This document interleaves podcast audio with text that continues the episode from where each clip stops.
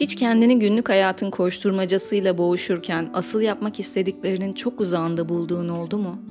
Zaman kum taneleri gibi parmakların arasından kayarken hayallerinin gittikçe uzaklaşıp küçüldüğünü, kendini kocaman bir boşluğun içindeymiş gibi hissettiğin oldu mu hiç? Hayatın anlamını arar gibi olursun böyle zamanlarda. İşte tam da böyle zamanlarda bir köşede unuttuğun kendini bulup toparlama vakti gelmiştir aslında. Elinden kayıp giden dizginleri tekrar eline alma zamanı gelmiştir. Çünkü hayat zamanın akışına direnmek değil, onunla dans edebilmektir. Belki de hayat kendi şiirini yazmanın cesaretini bekliyordur senden. Bir romanda diyordu ki, denizde boğulmamız gerekmediği gibi her şeyi şansa bırakmaya da mecbur değiliz artık dedi. Yüz. Mesele yüzmekte değil dedim. Hangi yöne yüzeceğini bilmekte. Hadi o zaman yarınların ne getireceğini bilemesek de hangi yöne yüzeceğimizi seçelim birlikte.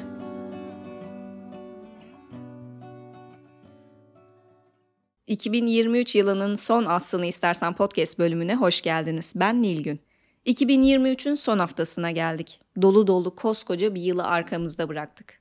Yepyeni bir yıla girmek için günleri hatta saatleri sayıyoruz artık. Yine bizi duygudan duyguya sürükleyen bir yıl oldu 2023 eksik olmasın. Çok büyük acılar yaşadık. Üzüldük, ağladık, öfkelendik, çaresiz kaldık. Alıştık bazılarına. Bazılarını atlatamadık belki ama devam ettik yolumuza.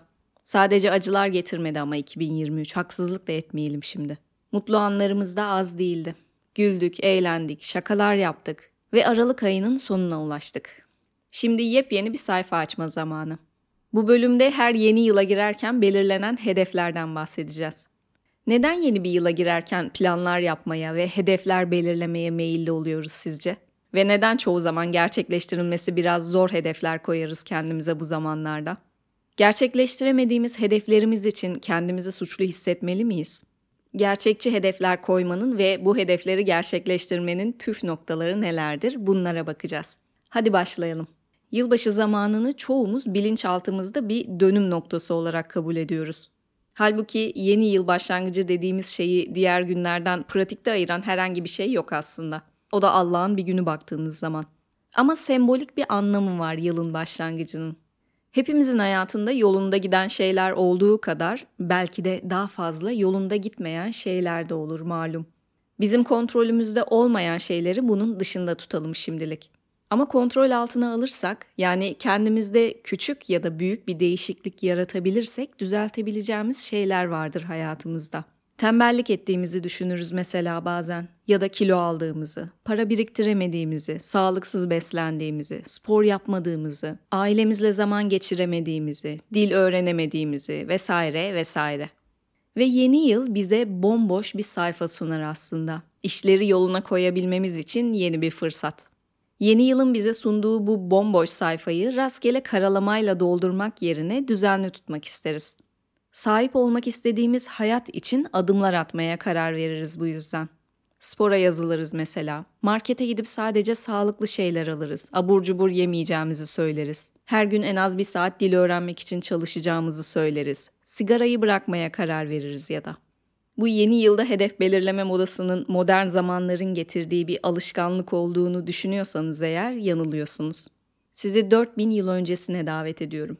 Eski Babillilerin yeni yıl kararları alan ilk insanlar olduğu söylenir. Gerçi onlar için yeni yıl Ocak'ta değil Mart'ta başlıyordu ama çok da önemli değil aslında. 12 günlük dini bir törenle yeni yılın gelişini kutluyorlarmış o zamanlar. Bu törenlerde tanrılara borçlarını ödeme ve ödünç aldıkları nesneleri iade etme sözü veriyorlarmış. Eğer sözlerinde dururlarsa tanrıların lütufta bulunacağına, duramazlarsa da tanrıların gözünden düşeceklerine inanırlarmış. Milattan önce 46 yılına geldiğimiz zaman Jules Caesar takvim reformuyla Julian takvimini uygulamaya koyuyor ve yeni yılın başlangıcını 1 Mart'tan 1 Ocağa taşıyor. İngilizce'de Ocak ayı ismini Janus isimli bir Roma tanrısından alıyor bu arada. Genellikle heykellerini kapılara, girişlere ve kemerlere yontarlarmış. Janus iki yüzlü tanrı olarak geçer kaynaklarda. İki yüzü derken riyakar anlamında değil tabii ki. İki tane yüzü var gerçekten. Biri öne, diğeri arkaya bakıyor. Arkaya bakan yüzünün geçmişe, öne bakan yüzünün de geleceğe baktığını düşünüyorlardı. Yani Romalılar için Janus sembolik olarak geçmiş yıla ve geleceğe bakan tanrıydı. Bu tanrı için kurbanlar sunup yeni yıl için iyi davranışlarda bulunacaklarının sözünü vermişler yine onlar da Babililer gibi. Biz bugün genellikle sadece kendimiz için veriyoruz yeni yıl kararlarımızı. Belki de bu yüzden bu kadar kolay vazgeçiyoruz. Yeni yılda yeni kararlar alan ve uygulayacağına dair kendine söz veren milyonlarca insan var dünyada. Ama acı bir gerçek var ki bu sözü veren neredeyse her üç kişiden ikisi daha Şubat ayına gelmeden pes ediyor. Geri kalanların çoğu da Mart ayından sonra dökülmeye başlıyor. Yani yeni yıl için birçoğumuz hedefler koyacağız kendimize belki evet ama çok azımız yılın sonuna kadar bu kararlarına sadık kalacak. Birçoğumuz bir sürü farklı sebeplerden dolayı kararlarımızı uygulayamayacağız maalesef. Ama bu sizi demotive etmesin. Çünkü şöyle garip bir gerçek var ki hedef belirlemenin ve karar almanın bile olumlu etkileri var. Bir karar verip onu uygulamaya başladığımız zaman dopamin salgılamaya başlıyoruz. Dopamin beynin ödül ve zevk merkezlerini kontrol eden ve duygusal tepkilerimizi düzenleyen hormon. Bu hormon bizi motive de ediyor aslında. Bir araştırmada görülmüş ki yeni yıl için karar alanların davranışlarını değiştirme ihtimali hiç hedef koymayanlara göre 10 kat daha fazla. Yani yılın sonuna kadar kararınıza sadık kalmasanız da hala bir şeyleri değiştirebilirsiniz. Ama tabii ki hedefleri koyarken de ben bunu nasıl olsa yapmam diyerek başlamamak lazım.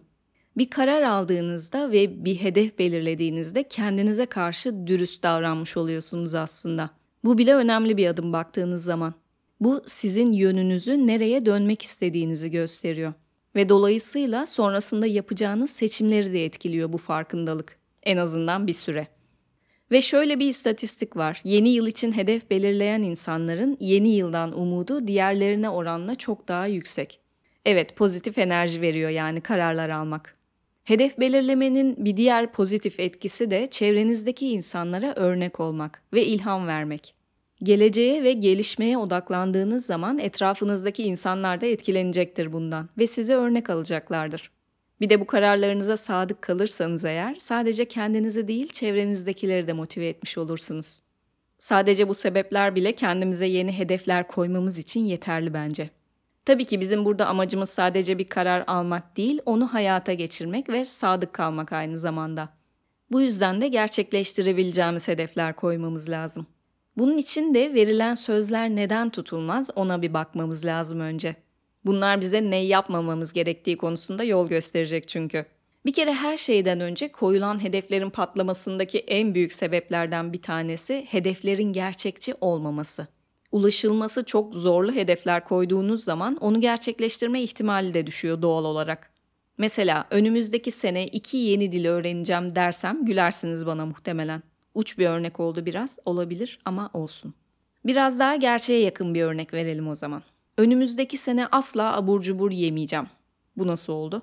Yani evet abur cubur yemek kötü bir alışkanlık. Çok net biliyoruz bunu ama bunu asla yapmayacağını iddia etmek çok gerçekçi bir hedef değil. Hepimiz biliyoruz ki bir gün gelecek ve o cips yenilecek. Ya da yaşanmış bir örnek vereyim. Yakın bir arkadaşım hobi olarak maket yapmaya başlamak istedi ama başlangıç kiti gibi bir şey almak yerine gitti bilmem kaç bin parçalık maket aldı kendine. E bilin bakalım ne oldu? Tabii ki bitmedi o maket. Bitmesi mucize zaten. Bir de bu şekilde gerçekçi olmaktan uzak hedefler belirlediğimiz zaman bir kere uymadığımızda demotive oluyoruz ve komple bütün hedefi çöpe atıyoruz. O yüzden ne olursa olsun ufaktan başlayın. Önce bir ufak olan hedefinizi gerçekleştirin, sonra yenisini de koyarsınız. Üzülmeyin yani. Kendinize karşı dürüst olduğunuz bir an dedik hedef koyma anı için ama gelecekteki kendiniz için de dürüst olun. Yeni yıl zamanında özellikle insanlar büyük hedefler koymaya daha yatkın oluyor. E koskoca bir yıl var önümüzde illa yaparım diye düşünüyoruz ama öyle olmuyor. Bir yıl dediğimiz şey göz açıp kapayana kadar geçiyor çoğu zaman. O yüzden diyorum büyük hedefler koymak yerine ufak adımlarla ilerlemeye çalışmak daha etkili bir çözüm. Bir de ufacık bir engelle karşılaşınca vazgeçmek de doğru değil. Sigarayı bırakmaya karar veren birisi mesela bir kere sigara içince başarısız oldum artık deyip tekrar geri döner eski alışkanlığına. Halbuki azaltmak da çok büyük bir adım. O kadar kolay pes etmemek lazım. Hepimizin zayıf anları olur hayatta. Hastalıklar çıkar, yoğun olduğumuz zamanlar olur, kontrolümüz dışında bir şeyler çıkar. O yüzden belli süreler aksayabilir planlarımız. Ama bu en başa dönmemize sebep olmamalı.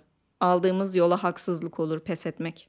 Diğer bir başarısızlık sebebi de net olmayan hedefler koymak.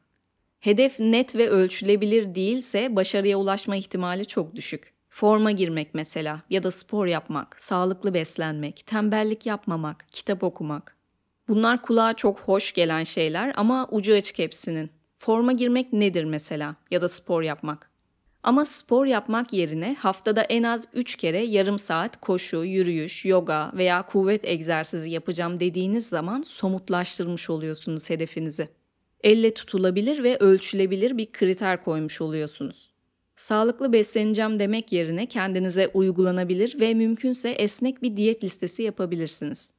Hatta bir uzmandan destek alarak mümkünse. Kitap okumak diye hedef belirlemek yerine kitap okumaya en müsait zamanlarınızı belirleyebilirsiniz. Her gün yatmadan önce en az bir sayfada olsa kitap okuyacağım demek yine ayakları yere basan bir hedef olacaktır. Bir de araştırmalara göre hedef belirlerken neyi yapmayacağımıza değil, neyi yapacağımıza odaklanırsak eğer hedefin gerçekleşme ihtimali yükseliyormuş. Mesela tembellik yapmayacağım yerine günde en az 10 bin adım atacağım demek gibi. Alkol tüketmeyeceğim yerine haftada en fazla şu kadar alkol tüketeceğim. Sosyal medya kullanmayacağım yerine günde en fazla şu kadar sosyal medyada zaman geçireceğim mesela. Bu son söylediklerim plana esneklik de katacağı için suçluluk duygusunu da azaltacaktır. Tabii uyabilirseniz. Plansızlık da hedeflerimizi gerçekleştirmemizin önündeki en büyük engellerden bir tanesi. Gerçekçi hedefler belirlemekten bahsederken ufak adımlar atmak lazım dedik. Bu da onunla alakalı aslında. Ufak adımlarla kilometre taşlarını belirlersek gerçekleştirme ihtimalimiz de o kadar yüksek olur. Kendimden örnek vereceğim burada. Geçen senenin başında 2023 yılında İsveççe öğreneceğim diye bir hedef koydum kendime ama hiçbir şey planlamadım. İsveççe dil paketi otomatik olarak yüklenmiyormuş meğer. E başaramadım yani. Tabi ara ara çalıştım aklıma geldikçe ama istediğim gibi olmadı tabi. Onun yerine bir dil kursuna yazılsaydım mesela ve dil öğrenme uygulamasında her hafta şu kadar konuyu tamamlayacağım diye kendime bir kriter koysaydım daha iyi bir durumda olacaktım muhtemelen şu an. Bu da bana ders olsun. Neyse sonuç olarak aldığınız kararları nasıl kontrol edeceğinizi de belirleyin kafanızda. Seneye aralık olmasın bunları tekrar hatırlayacağınız tarih. 12 aya yaymaya çalışın ve kontrol noktalarınız olsun gidişatı görebileceğiniz. Ki yolunda olmayan bir şeyler varsa ya hedeflerinizi daha gerçekçi hale getirmek ya da planlarınızı hedefe uygun hale getirmek için zamanınız olsun. Bir de sabırsız olmamak lazım. Bazen istiyoruz ki kısacık zaman içinde mucizeler yaratalım. İstediğimiz kiloya ulaşalım mesela bir ay içinde. Ne güzel olurdu değil mi? Ama maalesef değişiklik zaman alır. Ve kolay elde edilen şeylerin kolay kaybedilme ihtimali de yüksek olur. Burada anahtar kelime tutarlılık. Tutarlı ve sabırlı bir şekilde ilerlediğiniz zaman sonunda istediğiniz yere geleceksiniz mutlaka. Diğer bir başarısızlık sebebi de çok fazla hedef belirlemek. Bana en önemli sebep buymuş gibi geliyor açıkçası. Bazen bir başlıyoruz hatta uzun uzun liste yapıyoruz. Kilo vereceğim, maraton koşacağım, seramik kursuna yazılacağım, dil kursuna başlayacağım, gitar çalmayı öğreneceğim, pilatese başlayacağım, tenis öğreneceğim. Bitmiyor arkası. Yani diyeceğim odur ki coşmayın, bir sakin olun önce. Bir hedefin başarıya ulaşabilmesi hafife alınacak bir şey değil. Ona ciddi anlamda konsantre olmanız gerekir.